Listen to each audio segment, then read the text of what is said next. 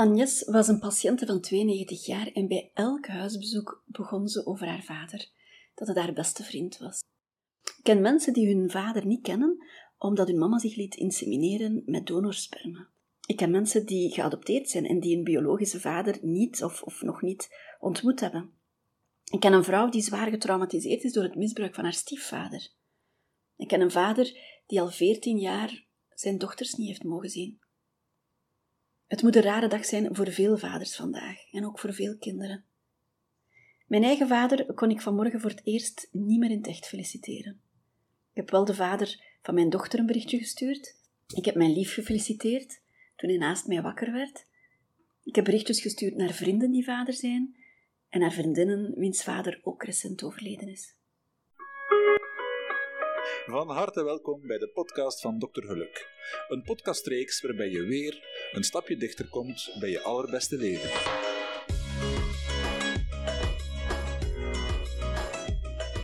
Ik stond vanmorgen uh, in de keuken worteltjes te raspen en komkommers te snijden, want de kinderen van mijn lief uh, kwamen eten. En buiten hoorde ik hem bellen met zijn vader. Hé pa, gelukkige vaderdag. En het kwam er zo gewoon uit. Het was zo vanzelfsprekend. En net omdat het zo vanzelfsprekend was, begon ik te huilen. Het was daar plots en heel onverwachts, want ineens was dat gemis daar heel erg. Ik zou vandaag voor het eerst in heel mijn leven mijn vader niet meer kunnen omhelzen met vaderdag. Hij is vijf maanden geleden overleden. En in plaats van samen met hem en mijn zus en onze gezinnen op de barbecue te gaan, was ik nu een barbecue aan het voorbereiden voor mijn lief en zijn drie kinderen. En net nu ik dit inspreek, krijg ik een foto van mijn zus, die op het kerkhof is en die mij een foto stuurt met bloemen die uit de vetplantjes komen. Bloemen die op zijn graf staan. Signaal van Va, zegt ze erbij. Want zo troosten wij elkaar, zussen van dezelfde vader. Va zou dit, Va zou dat. Hier heeft Va wellicht voor gezorgd, enzovoort, enzovoort. Wij hebben vooral een grote dankbaarheid. Een dankbaarheid die veel groter is dan het gemis eigenlijk op die manier. En een dankbaarheid ook die ons vaker doet glimlachen dan huilen.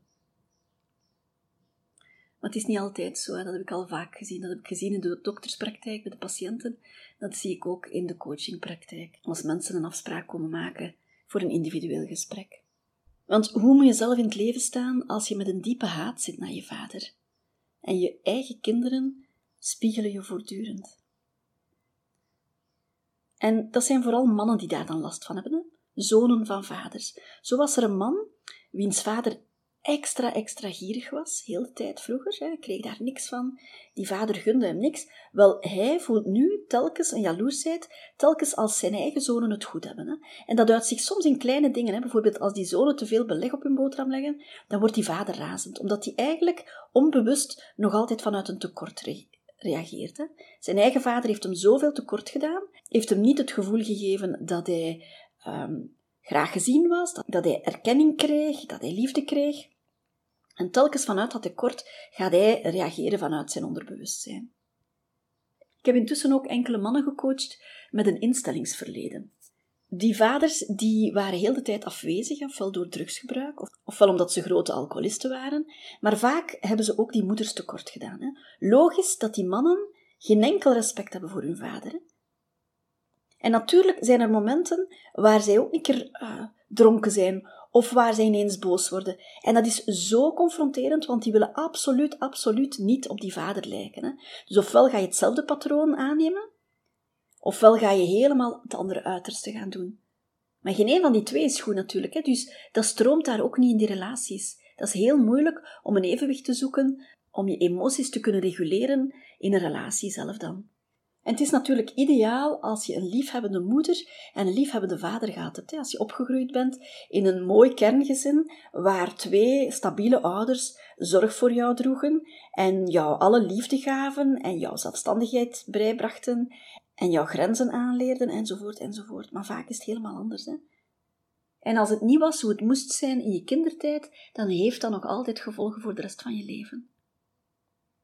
Of je zit met complexen, of je zit met een uh, onopgeloste woede, of je zit met frustraties, of het is iets met je zelfvertrouwen, of je hebt een groot bewijsdrang, of je gaat compenseren, of je gaat vluchten. Hè? Vluchten in drank, vluchten in drugs, vluchten in, in, in, uh, in porno bijvoorbeeld, hè, doen, doen, doen mannen ook vaak.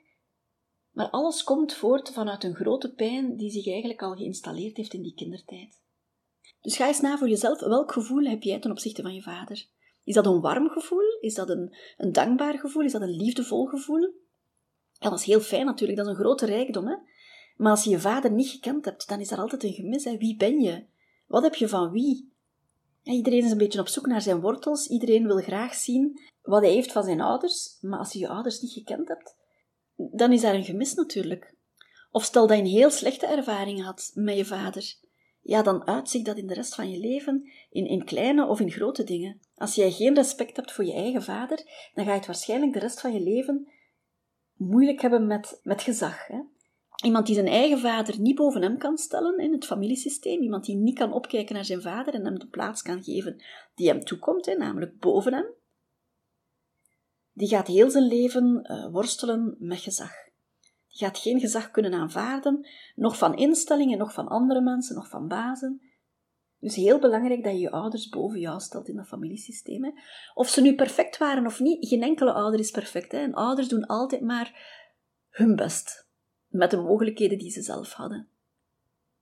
En als jij geen respect kan hebben voor je ouders, zelfs voor hun fouten, dan stroomt het niet. Dan blijf je worstelen met je verleden en dan stroomt het niet in de rest van je leven. Moet je dan alles aanvaarden van je ouders? Nee, hè? Moet je alles pikken van je vader? Nee.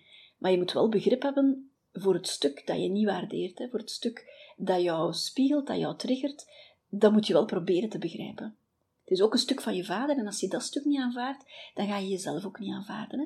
Er is altijd een reden waarom dat je vader te veel dronk, of waarom dat je vader er niet was voor jou. Misschien is hij moeten trouwen met je moeder. En heeft hij daar helemaal niet om gevraagd, dat die man een ander leven voor zich gewenst. Misschien had hij zelf veel te weinig liefde in zijn jeugd gekregen, heeft hij zelf een slecht voorbeeld met zijn eigen vader gehad. Dus wees niet te streng voor je eigen vader. Hè? Als het niet liep hoe je het gewild had, Kijk dan eens na wat voor jeugd je eigen vader gehad had, of wat voor leven je eigen vader gehad heeft.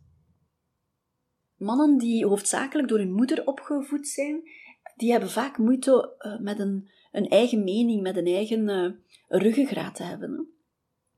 Misschien zijn er andere vaderfiguren geweest in, in, in, die familie, dat is ook goed natuurlijk. Of misschien had die moeder genoeg mannelijke kracht in zich. Het hoeft niet noodzakelijk van de vader te komen, maar een kind heeft mannelijke en vrouwelijke energie nodig. Een paar jaar geleden deed ik ook zo'n een uh, opleidingsweekend. Dat ging over vaders en dochters dan specifiek. Dus was een grote groep vrouwen. En wat daar allemaal naar boven kwam van issues met vaders. Hè. Dat ging van scheidingen tot vaders die, uh, die vroeg overleden waren. Uh, vaders die zelfmoord gepleegd hadden. heel veel afwisselende stiefvaders die kwamen en gingen.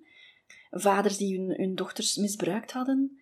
Uh, vaders die geen ruggengraat hadden, die veel te, ja, veel te laks waren, die niet opkwamen voor hun dochters waar het nodig was. Dus allerlei, allerlei uh, issues waar dochters mee worstelden. Hè. En daar waren ook mannen bij die die groep begeleiden. En op een ochtend nam een van die begeleiders het woord en die zei: Ik heb hier gisteren zoveel verhalen gehoord.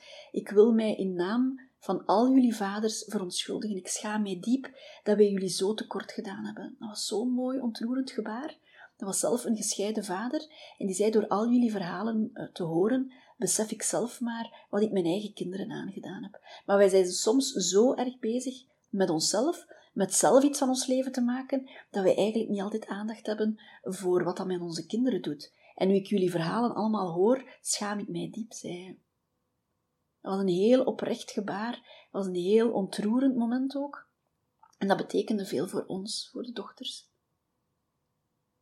We hebben daar toen ook geleerd dat elke vader ook maar zijn best doet, hè, tot waar hij kan. Net zoals moeders hun best doen tot waar ze kunnen. Maar dat die vaders zelf vaak een rugzak hebben. En dat ze zelf niet altijd beter kunnen. Hè. En je kan niet van je vader verwachten dat hij nog gaat veranderen. Hè. Of je kan, eh, ja, als je vader overleden is, je kan de klok niet terugdraaien.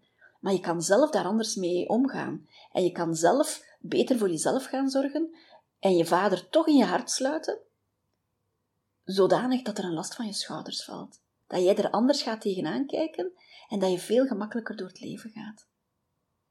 Dus je kan daar in therapie voor gaan, je kan daar in coaching voor gaan, maar doe daar iets mee. Als je voelt dat het niet stroomt in je leven, dat dat issue met je vader je nog altijd parten speelt, dat kan ook bijvoorbeeld zijn dat je een heel kritische vader gehad hebt, of dat je nooit, maar dan ook nooit een complimentje gekregen hebt van je vader. Dat zijn mensen die altijd maar meer en meer en meer hun best gaan doen en die de lat voor zichzelf heel hoog leggen, omdat ze nog altijd trachten naar die onbereikbare complimenten van die vader. Mensen die heel hard werken, hè? misschien onbewust om nog altijd die bravo te verdienen die hun vader nooit gaf. Kinderen die geen affectie kregen van hun vader, hè? die het gevoel hadden van ik doe er niet toe. Mijn vader heeft geen aandacht voor mij. Het lijkt alsof ik niet besta. Ja, dat zijn mensen die zich nog meer gaan bewijzen in de wereld, die hun plaats nog meer gaan opeisen in de wereld, om te tonen van ik ben hier ook, kijk naar mij.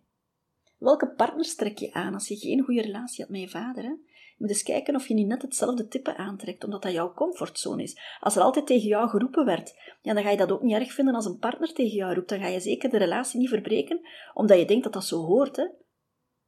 Als je vader voortdurend je moeder afsnauwde, of als je moeder slagen kreeg van je vader, ja, dan vind je dat misschien niet zo heel abnormaal als je partner dat ook met jou doet.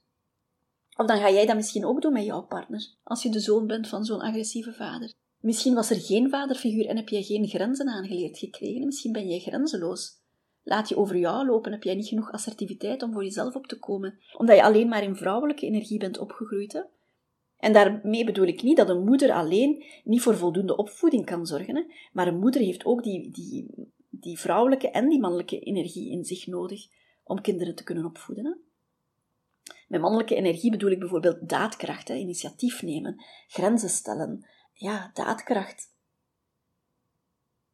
Niet alleen maar dat zorgende, niet alleen maar dat liefhebbende, maar ook, uh, ja, soms ook wel dat strenge. En natuurlijk is het in onze maatschappij niet zo makkelijk om te weten wat er van jou als man verwacht wordt, hè?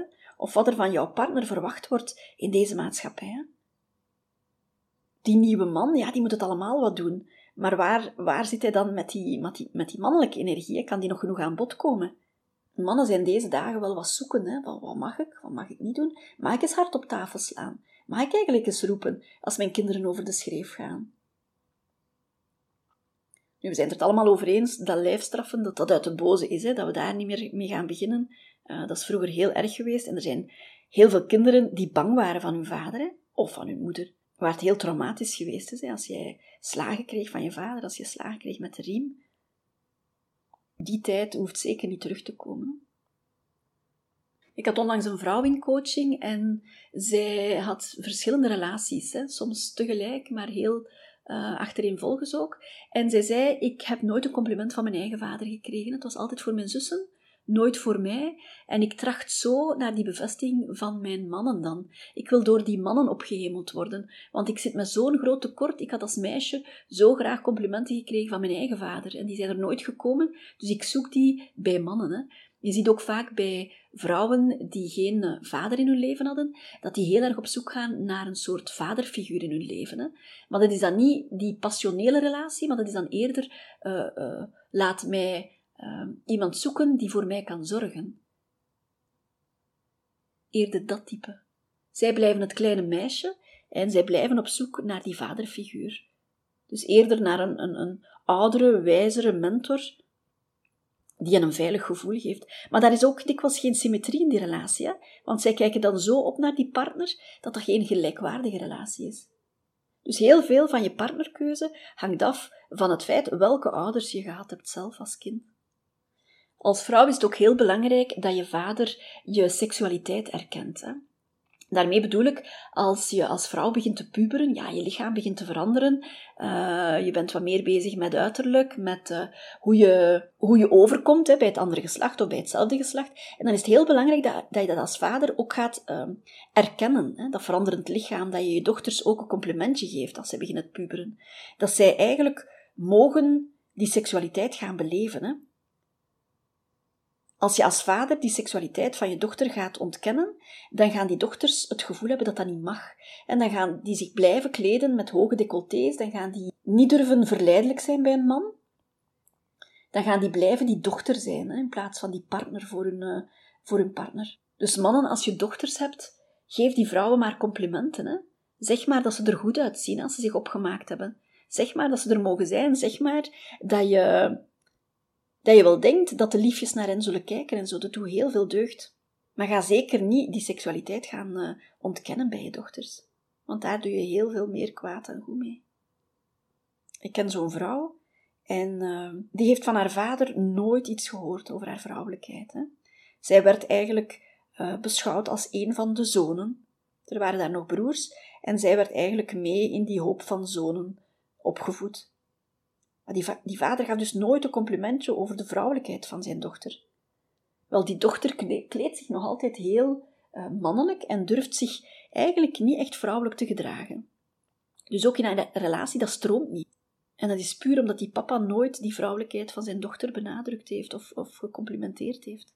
Als alles een taboe was, hè, als jij je als dochter wou opmaken, je trok een lijntje onder je ogen, of je ging je lippen rood verven, of je lakte je nagels, en er was elke keer afkeurend gedrag van je vader, ja, wees maar zeker dat dat een rol speelt in je eigen beleving van je eigen seksualiteit.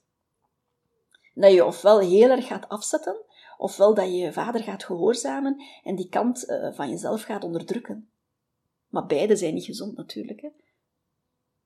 Dus een gezonde seksuele beleving hangt ook vaak samen met hoe je vader naar jou keek in, uh, in je puberteit? Of, of toen je vrouw begon te worden. Het andere uiterste is natuurlijk dat je misbruikt werd door je vader. Uh, hopelijk uh, herken je je niet in dat verhaal, want dat is pas heel erg. Hè? Daar zijn jaren therapie nodig om, om daarover te geraken. En dat is gewoon misdadig. En daar is gewoon maar één schuldige. En dat is die, die vader die misbruikte. Daar heb je als kind geen enkele, maar dan ook geen enkele, enkele, enkele schuld aan. Nu, in dat geval zou ik je aanraden om eh, zo snel mogelijk een therapeut te vinden. Hè. EMDR bijvoorbeeld is daar heel goed voor. Ik had zo'n patiënt, ik denk dat ze al goed in de 60 was, toen naar boven kwam in mijn dokterspraktijk dat zij misbruikt was door haar vader. En ook haar zus was misbruikt, ook een nichtje was misbruikt. En die vader die was daar heel de tijd mee weggekomen. Want die ene zus was niet misbruikt en die geloofde dat dus niet. En de zonen geloofden dat eigenlijk ook niet. Dus die dochters die misbruikt waren, ook al waren die al zestigers, die bleven helemaal alleen en eenzaam achter met hun verhaal. En die hebben echt heel veel moeite moeten doen om erkenning te krijgen van de rest van het gezin. Maar die hun eigen seksuele leven, dat was gewoon een, een, een grote ramp. Hè? Zelfs die partners hebben dat maar op die leeftijd te weten gekomen. Hè?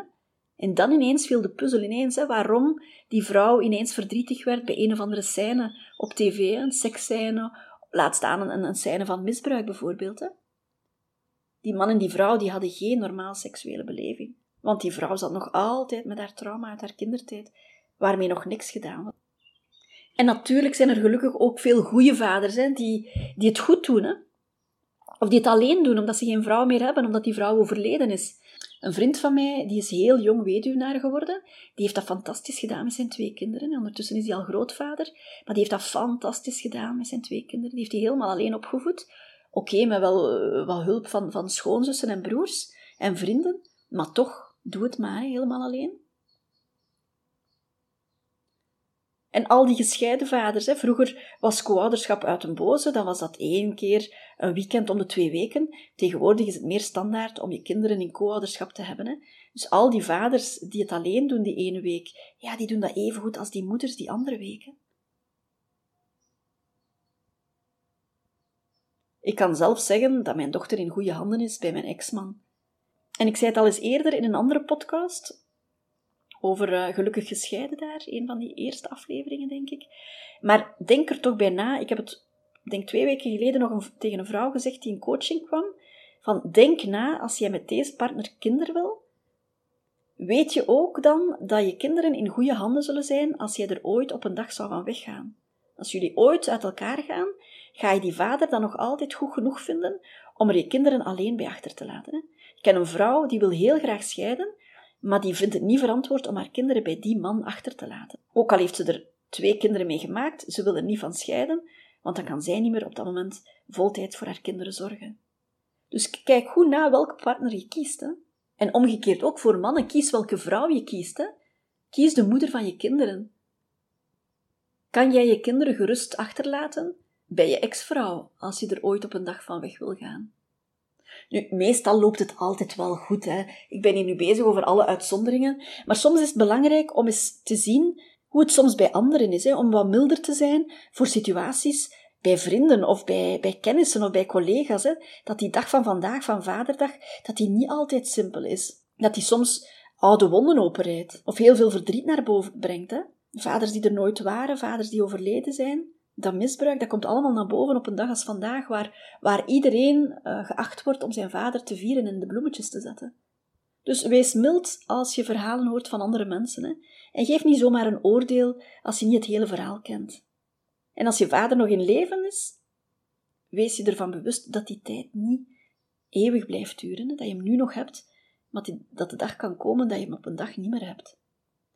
En misschien kan je de banden nog aanhalen Misschien is het uh, te vergeefs, maar doe er dan zelf iets mee. Zorg dat je in mildheid afscheid kan nemen van je vader.